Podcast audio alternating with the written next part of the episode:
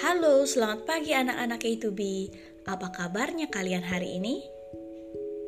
Ibu Evelyn berharap kalian dalam keadaan yang sehat dan juga penuh dengan sukacita. Hari ini, hari Kamis, tanggal 22 Oktober tahun 2020.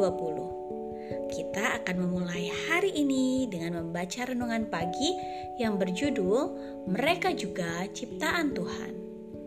Kalian boleh meminta tolong mama atau papa untuk membaca Alkitab yang diambil dari Kejadian 7 ayat 1 sampai 9. Best Kids, Bapak Nuh dikenal sebagai orang yang selalu setia dan taat kepada perintah Allah. Termasuk ketika diperintahkan untuk memasukkan binatang-binatang ke dalam bahtera sehingga binatang yang ada di muka bumi ini tidak musnah terkena banjir besar. Namun, karena perbuatan manusia, binatang-binatang ciptaan Allah hampir habis. Best kids, marilah kita berdoa agar kita selalu dimampukan untuk ikut menjaga dan memelihara alam ciptaan Tuhan. Kita lipat tangannya dan tutup matanya. Kita berdoa. Bapa kami yang di surga,